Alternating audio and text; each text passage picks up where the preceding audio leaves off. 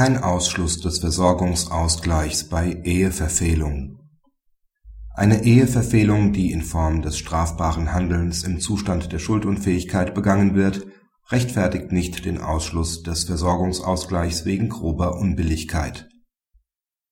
Die 1960 geschlossene Ehe der Parteien wird 2008 geschieden. Während der Ehe erleidet der Ehemann 2004 bis 2007 drei Schlaganfälle und wird gegenüber der Ehefrau in und nach dieser Zeit gewalttätig. Das LG stellt in der Strafsache fest, dass der Ehemann zum Zeitpunkt der Taten schuldunfähig war. Die Ehefrau geht außerdem zivilgerichtlich gegen den Ehemann mit Maßnahmen nach dem Gewaltschutzgesetz vor. Aufgrund der Gewaltanwendung durch den Ehemann gegen sie beantragt die an sich ausgleichspflichtige Ehefrau, keinen Versorgungsausgleich durchzuführen, da dieser grob unbillig ist das Amtsgericht führt den Versorgungsausgleich wegen grober Unbilligkeit nicht durch.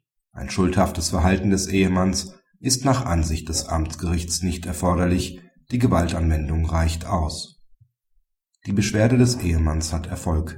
Der Versorgungsausgleich zugunsten des Ehemanns ist durchzuführen.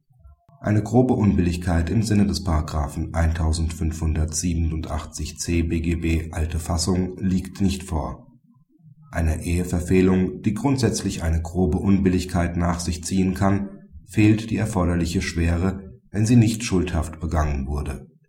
Es ist nicht entscheidend, ob die Verfehlung im Zustand der Schuldunfähigkeit ein einmaliger Vorfall war oder mehrfach begangen wurde.